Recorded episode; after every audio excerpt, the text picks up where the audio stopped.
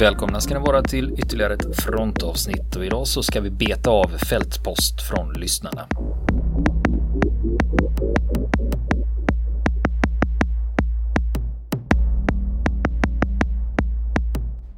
Mm, har det kommit in mycket? Ja, det, det, det dimper in och ofta ja. det är lika, det, det mesta är ju mm. tips på grejer. Att jag tycker mm. ni borde göra ett avsnitt om det här. Ja. Det är mm. väldigt sällan det är detaljfrågor på någonting mm. vi har sänt. Men alltså, eller som det här med mm. att liksom, men hur gick det med det där? Eller ja. hur var det? Ni glömde berätta den här delen. Ja. Och sen får vi in, uh, uh, tyvärr får vi in rättelser ibland. Ja, det, det, är väl det, bra att vi får in rättelser ja, när vi är ute och cyklar. Men det är ändå förhållandevis sällsynt. Ja, och det är ju, ibland slinter ju tungan lite man, ja, när man sitter så här och pratar. Men det vanligaste är att man har tittat på men det var ju mm. som vi pratade om avsnitten av Stolen Valor, det här med mm. källkritik då. Ja, att man faktiskt litar på någonting och säger ja, det. Och så finns det andra versioner och så vidare. Ja, så det är ofta där som ja. diffar, det är väldigt sällan vi... trillar vi dit. Och det är tur att, tur att vi har kunniga lyssnare då som hjälper oss på rätt spår. Men jag vet ju om det, och det har jag ju sagt flera gånger i podden också, att om vi, om, om, om, om vi är osäkra eller, eller om vi har fel, mm. då kommer vi att få mail. Ja, det, exakt. Och det, och det är inget fel, för att nej. det spelar ingen roll för oss, så prestigelösa är vi ja, ändå. Nej, det är en att, trygghet också och det är, det är det, rätt ska vara rätt. Ja, och det finns ju inget, det viktigaste är att det blir rätt i slutändan. Ja, om man nu skulle ställa till det. Mm. Om man tänker på all den samlade kunskap som finns där ute också. Jo, men alltså vilken, vi, ja. vi är bara två personer, vi kan inte vara experter Nej. på allt. Men så har vi några Nej. tusen lyssnare som ja. är experter på allt. Ja, Om man lägger ihop det. Lägger man ihop hela kunskapsbanken va? på alla, alla frontkamraterna så är den ju gigantisk. Va? Och de kan ju detaljer ner på sådana nivåer. Va? Som, liksom, man har sina specialintressen och så vidare. Då kan man sin, sin grej. Och det är ju tur. Mm. Kan jag ju säga. Och, och, jag är ofta väldigt, jag gillar att prata med nördar. Mm. För det finns inga, och just när du då visar intresse för något som nörden är intresserad av så berättar mm. de ju mer än gärna. Och mm. tycker det är roligt att hitta någon mm. annan som också är intresserad ja. eller beredd mm. att lyssna. Nu sätter du dig själv i motsatsställning till nördar. Ja, ja. ja det är så här att, eh, jag, jag är ju medelålders man så jag pratar ju alltid i alla sammanhang.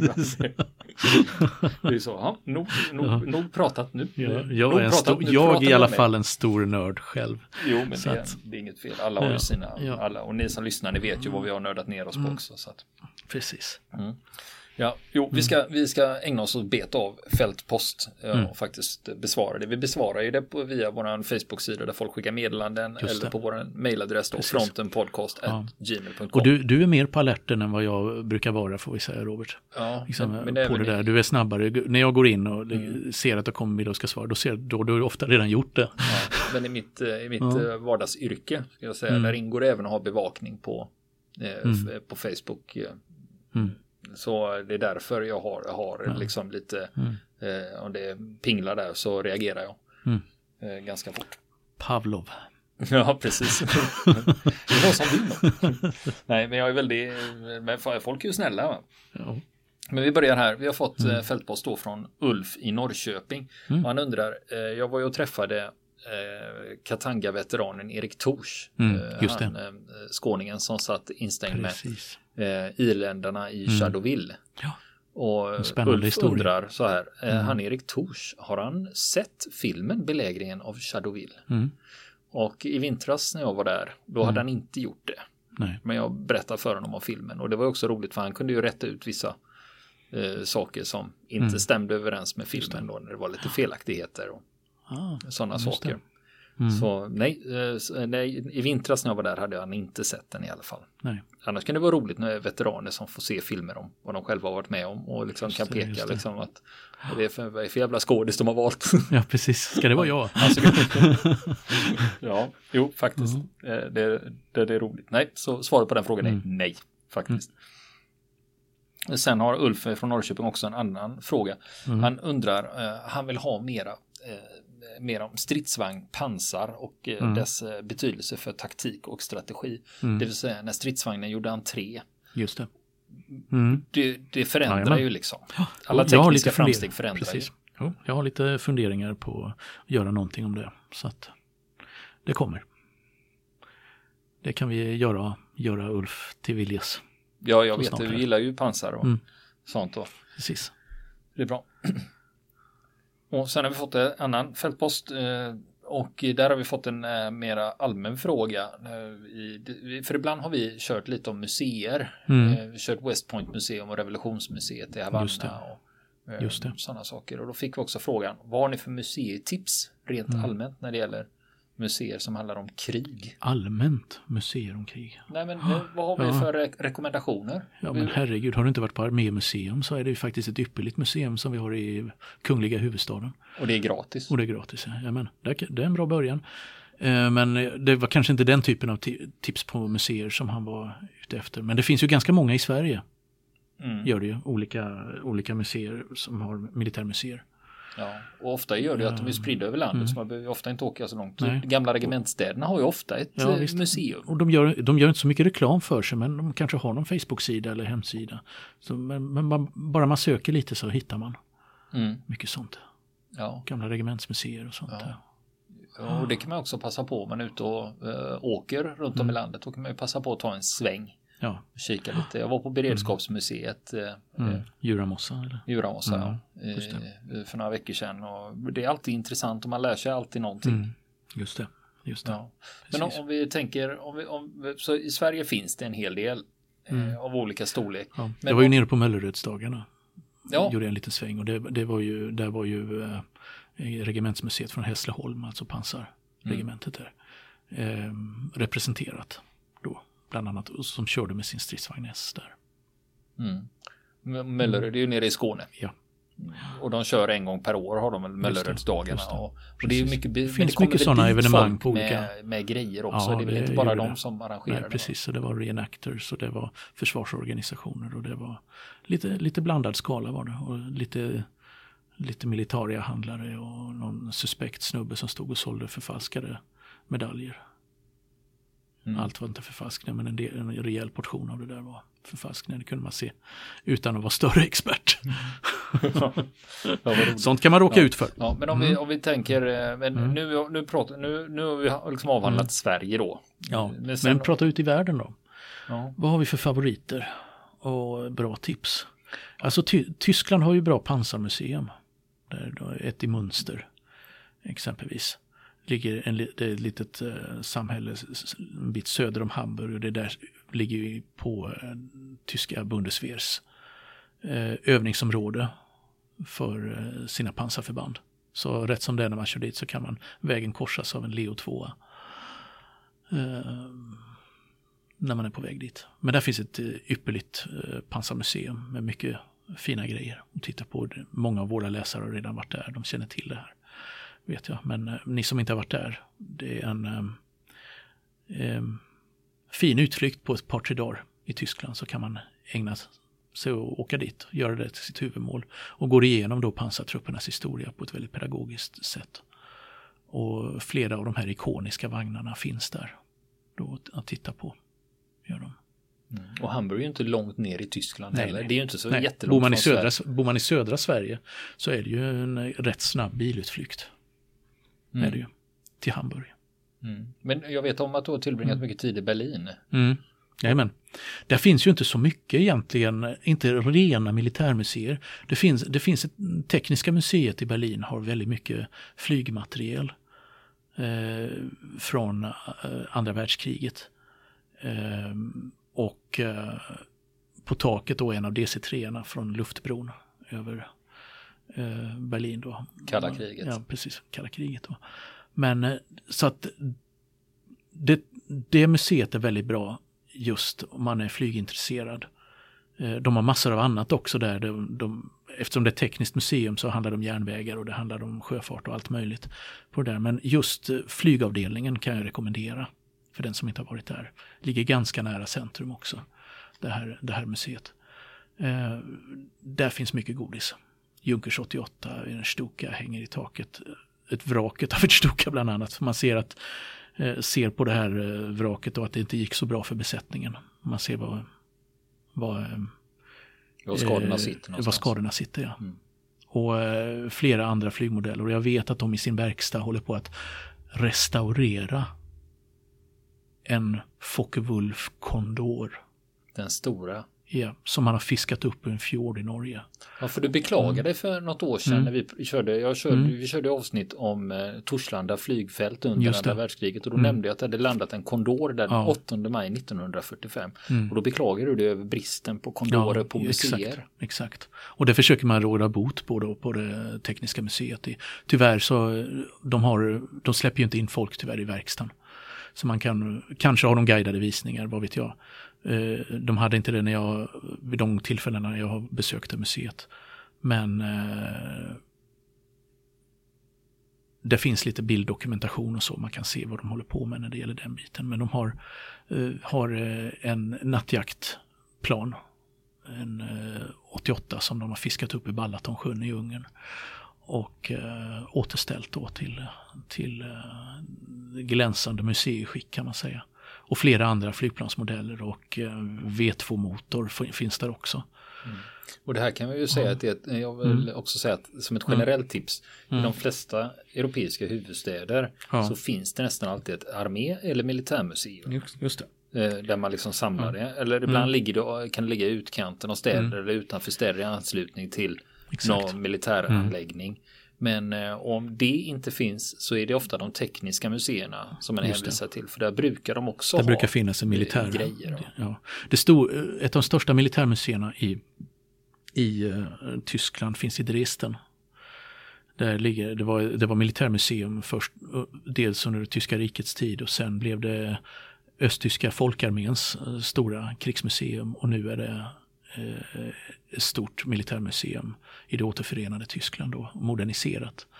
Och så vidare. Mycket, mycket värt att se då som går igenom den tyska militärhistorien då. Eh, från början till förhoppningsvis det slut. Och eh, i Trier i västra Tyskland så finns det också ett sånt här tekniskt museum som har väldigt mycket stridsvagnar som är körbara från andra världskriget. Som de tar ut och luftar lite då och då. Det gör de även i Münster har de en, en uh, helg varje år då. I Münster kallar man det Stall auf der Heide. Stål, på heden. Ja, precis, ja. då. en sån. Och det, det, det, kan man rekommendera om man vill, eh, man vill andas eh, dieselångor och höra, höra, höra mäktigt, mäktigt buller och sånt. För där har jag också, mm. när vi pratade om södra Sverige, för mm. i Köpenhamn finns det något mm. som heter Tygmuseet. Ja, och där har man ju lite pansar. Och, mm. och det, är ju inte tyg, det är inte tyg som tyg då, utan Nej, tyg militärtyg. Som, eh, ja. Materiel. Då. Ja, mm. tyg betyder ju materiel i det här mm. fallet. Så det, Precis. är ett, eh, det är ett tyskt ord. Ja. Början, sojg.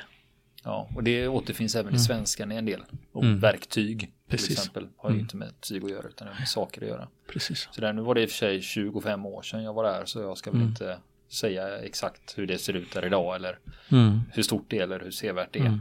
Motståndsmuseet i Köpenhamn.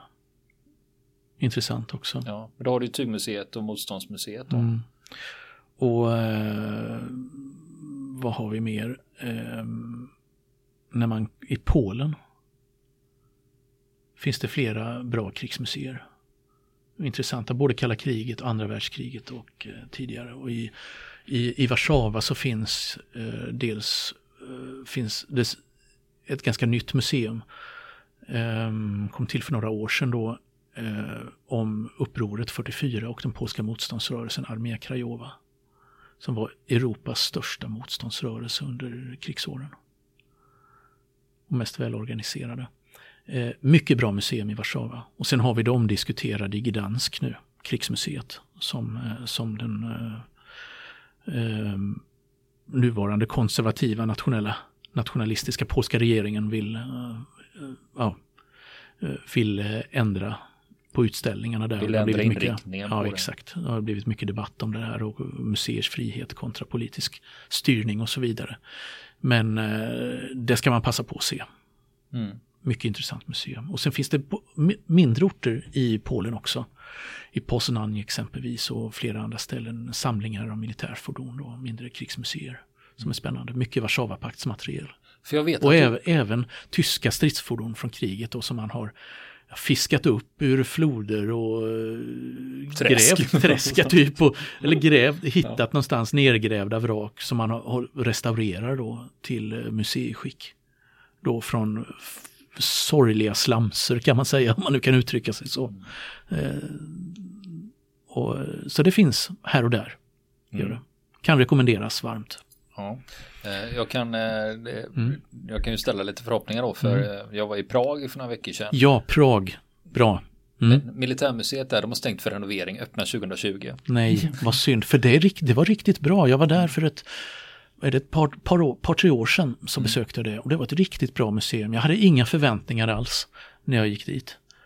Så där, jag menar militärmuseum i, i Prag, vad kan de visa? Tänkte jag. Men eh, det var oerhört fina samlingar kring den eh, österrikisk-ungerska militärhistorien. Det är en lång tradition. Ja, det är en lång tradition, ja, precis. Och eh, första världskriget då ja, och eh, även en ypperlig samling av eh, tysk krigsmateriel från andra världskriget som fanns där också. Eh, och att de hade kunnat bygga upp den beror naturligtvis på att det inte rådde det kapitulerade stora, stora tyska truppmassor i, i eh, nuvarande Tjeckien i krigsslutet 1945 eh, utan större strider. Och då blev det fruktansvärt mycket materiel kvar i det landet. Och det är en av orsakerna till att man har en så oerhört fin samling. Och så finns det ett pansarmuseum utanför Prag också. Mycket stridsvagnar. Eh, mycket sovjetisk materiel förstås, men även andra världskrigsmateriel. Eh, och där står eh, det klassiska Skoda stridsvagnen eh, modell 38T eh, som tyskarna tog över och använde som lätt stridsvagn i Wehrmacht efter att man hade annekterat Tjeckien. Då. Eh, finns ett exemplar där som man har fått från Sverige. Därför att man hade inga egna kvar. Däremot så fanns det ett par ex i Sverige och ett av dem är, har skänkts då dit som blivit ett, ett av paradstyckena då i den tjeckiska historien. Mm. Finns mm. också flygmuseum utanför stan. Mm. Det har jag inte varit på. Nej, inte Är det bra?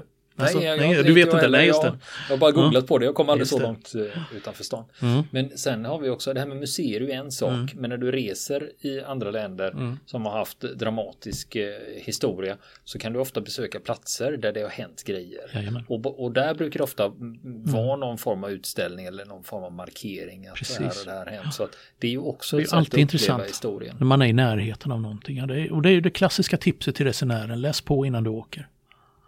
Friska upp, är du påläst, friska upp dina kunskaper. Du hittar alltid något. Mm.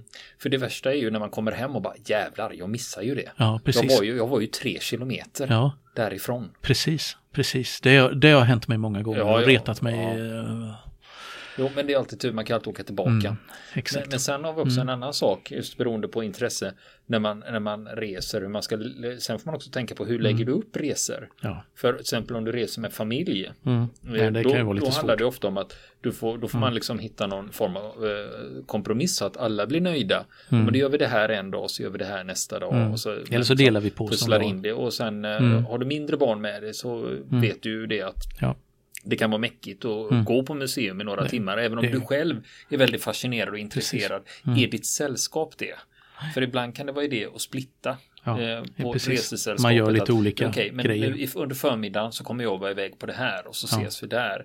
Så att, för det kan ofta precis. förta en upplevelse annars om du är genuint intresserad av någonting och, så och du har med dig sällskap som inte är det. Mm. Och så som, går, banana, uh, går uh, barnen bananas och uh, sambon håller på uh, tråkas ihjäl. Jaha, där är en, ja det är ett gevär. Ja, ja, det är ett gevär. Ja, det är också ett gevär. Ja, precis. Ja, men, men ibland kan man också ta på sig rollen som guide då mm. och förklara varför. Och det är samma sak det här med att om mm. det ligger en sten i en monter på ett museum. Mm. Ja, en sten. Jo, men när du väl mm. sätter in den i ett sammanhang så ja. man förstår varför ligger precis. stenen här, varför är den viktig. Då, då, då, det är ju berättelserna som gör det intressant. Ja, det. för har, har det mm. ingen, ingen story så Nej. har det inget värde. Va? Mm. Det, det, var länge sedan jag var i Bryssel, måste jag erkänna, men där fanns eh, vi har inte varit där sedan 90-talet vad jag vet.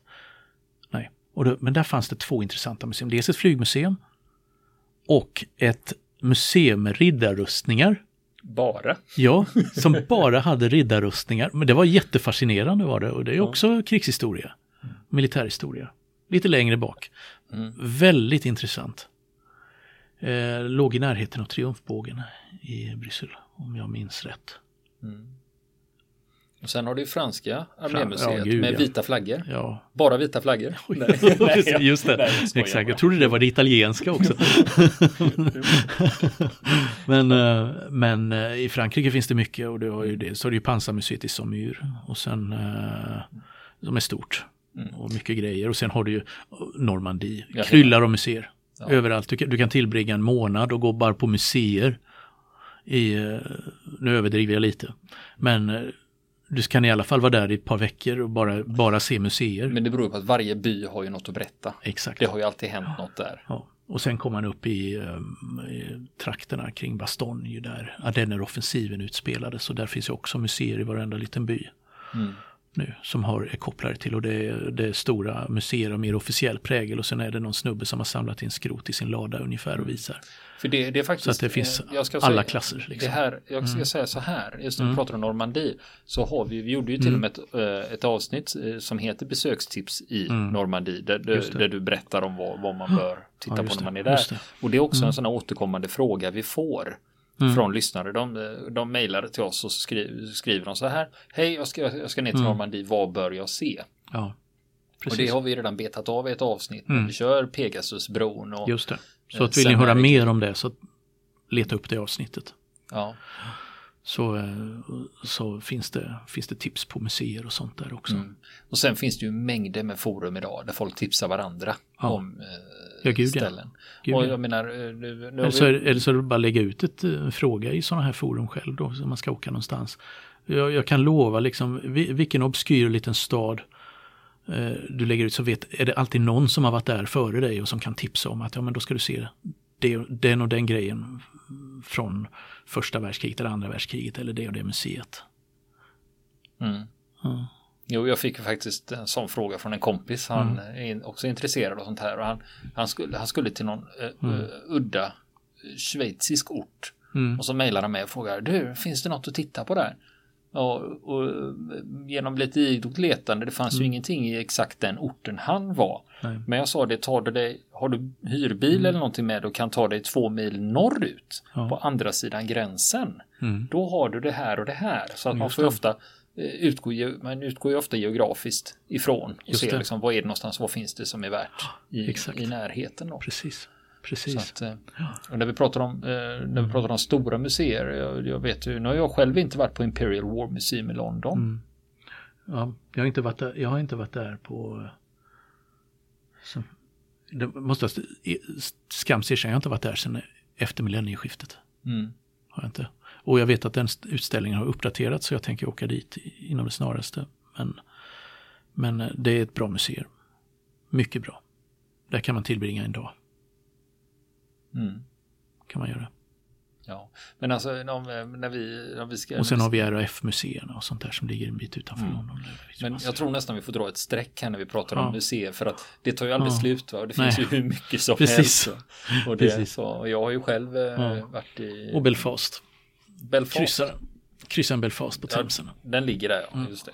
Ja, nej, så vi får nog, men vi har nog anledning att återkomma och framförallt om vi själva har varit på museer så vi Mm. kan, eh, Som vi kan skryta om och tipsa om. Göra en dragning om, mm, så man vet vad det är värt att se. Ja, men då släpper vi det med museer för den här gången. Ja. Vi, vi, vi kommer tillbaka. Ja.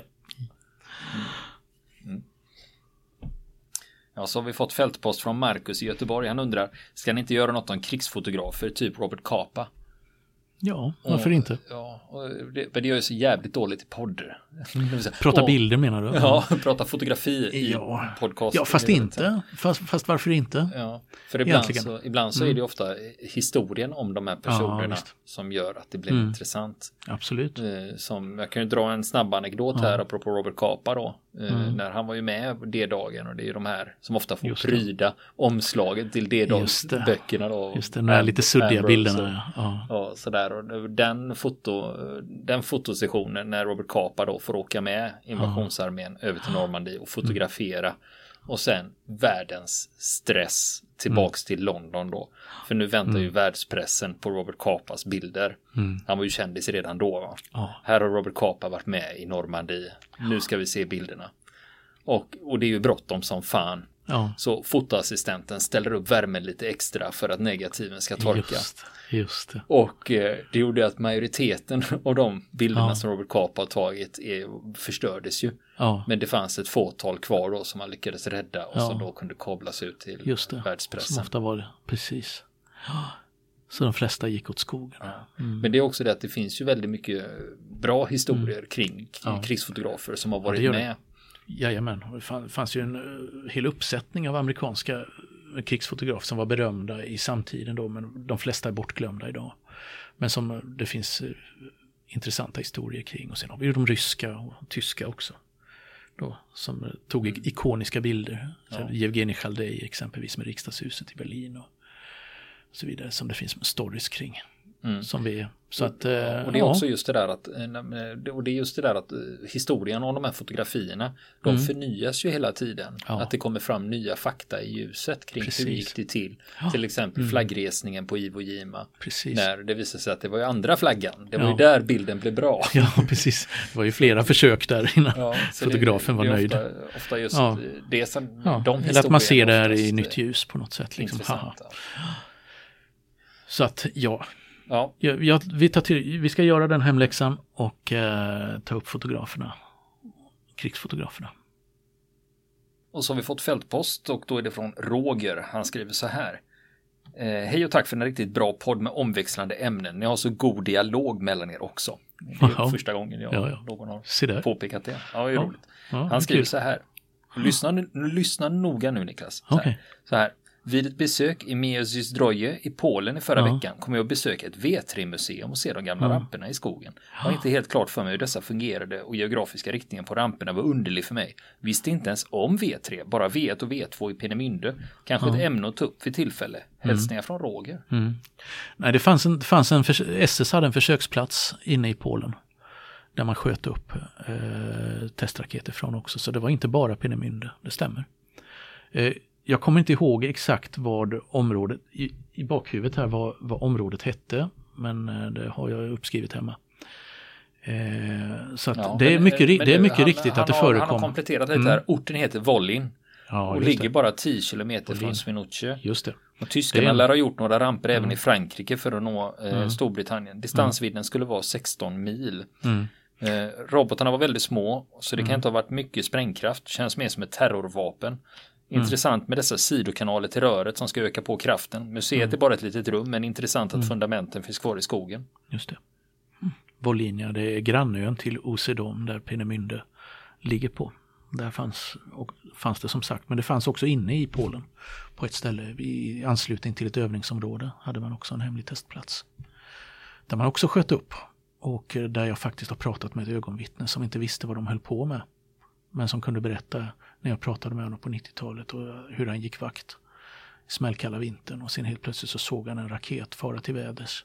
Eller någonting, han förstod inte vad det var. Jag trodde det var ett stjärnfall men det gick åt fel håll. Det gick uppåt istället Ja, det gick uppåt istället för neråt då. Och sen eh, kunde man lägga ihop det efteråt. Att ja, men du var ju i närheten av försöksplatsen. Du har sett ett av de hemliga försöken. Kunde jag berätta för honom då. Att det var, för han förstod att det var någon slags raket. Men han hade ju aldrig sett någon raket i verkliga livet. Då, liksom. Så att det är en spännande historia med de här eh, olika försöken man gjorde. Man hade ju en hel arsenal med olika typer av eh, robotar runt hörnet så att säga. Att hade kriget pågått ett litet tag till så hade, hade man tagit eh, ett antal eh, ganska revolutionerande tekniska uppfinningar i tjänst och luftvärnsrobotar av olika slag och andra, eh, andra uppfinningar som man hade. Mm. Men om man ska eh, titta på V1, V2 och, mm. och, och även då V3. Ja, är det de här anläggningarna som gäller då i Vollin och Peenemünde? Eller, ja, eller finns det på fler ställen? ja, det finns, eh, det finns ju ett, då är vi tillbaka vid, vid det vi har pratat om tidigare då, fältpostar om museer. Mm. Eh, I, det finns, fanns ett koncentrationsläger eh, nere i eh, Thüringen som, eh, i sydöstra Tyskland som hette Dora Nordhausen. Är det grottorna här nu? Eller? Det är grottorna. Det var i det berget man byggde V2-raketerna. Man lät koncentrationslägerfångar bygga, montera V2-raketerna inne i berget i stora fabrikshallar. Eh, det där är ett museum idag.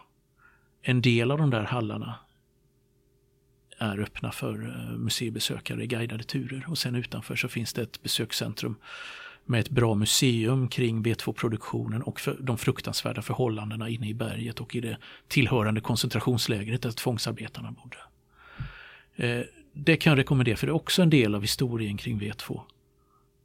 Eh, och ehm, det är det, bland annat det som gör att jag, jag brukar alltid säga att Apollo-programmet är byggt på eh, nazistiska slavarbetares ryggar. Det var där man la grunden till rakettekniken ja, så som vi känner ja, precis, den. Precis. Försöksanstalten då som tillhörde armén och senare i slutet SS låg ju på Peenemünde, den huvudsakliga då där man gjorde testerna. Men när man började med serietillverkningen så skedde det inne i berget i Thüringen. Då, på den här platsen. Och där ligger fortfarande, alltså det här, eh, när det här berget öppnades igen, eh, långt efter kriget, så eh, där ligger fortfarande maskiner och V2-delar och allt möjligt, skrot i en enda röra inne i, inne i tunnlarna. Då, rester av produktionen.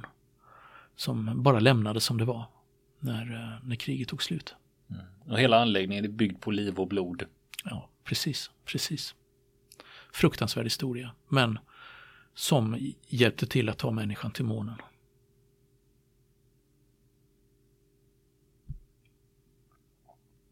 Ja, just det. Och vill man inte åka så långt om man är intresserad av V2 så kan man åka till småländska Bäckebo. Just det, där du var och titta, titta på kraten. Ja. Det här är ju några mil. Mm. Eh, ska vi se vad det blir. Det blir nordväst om Kalmar. Mm. Norr om Nybro. Så mitt ute i, i, sko, i småländska skogen där så eh, mm. finns det en krater och en modell av en V2 uppställd i, i, i gläntan där och en liten informationsskylt. Mm. Och vi, vi, har en komplett, jag vet att det är flera som har försökt åka dit men som har svårt att hitta. Men lyssna på vårt avsnitt som heter V1 och V2 i Sverige. Mm. Eh, där, där är det med en komplett vägbeskrivning till hur mm. du hittar till eh, Bäckebo. Mm. För att se kratern där en eh, tysk V2, eh, eller mm. det var innan den hette V2, den hette A4 då, den här mm, typen av forskningsraket. Precis. Som slog ner om misstag mm. i Småland. Just det. Och kraten är ungefär midjedjup eller bröstdjup. Mm. Idag. Precis. Då kan man konstatera att den inte var laddad. Ja, då hade det blivit Då hade det fått plats en Smålandsvilla i den kraten. Ja. Vi har en nyhet att presentera och det är att fronten numera är crowdfunded, det vill säga vi har möjlighet att ta emot bidrag från våra lyssnare. Man kan välja om man vill lämna ett bidrag varje månad eller göra en engångsöverföring, till exempel via Swish. Vi gör det här för att få möjlighet för att få in pengar till reportageresor eller att vi kan åka iväg och intervjua intressanta personer. Allting för att göra fronten bättre. Vill ni veta hur det här går till? Då kan ni gå till vår Facebook-sida. Det enklaste sättet att hitta oss det är bara att googla på Facebook och Fronten Podcast så kommer ni att hitta instruktioner där. Vill ni komma i kontakt med oss så kan ni göra det via vår Facebook-sida som heter Fronten. Det är inga problem för er att leta er fram där. Eller också så mejlar ni på vår mejladress och det är frontenpodcastgmail.com.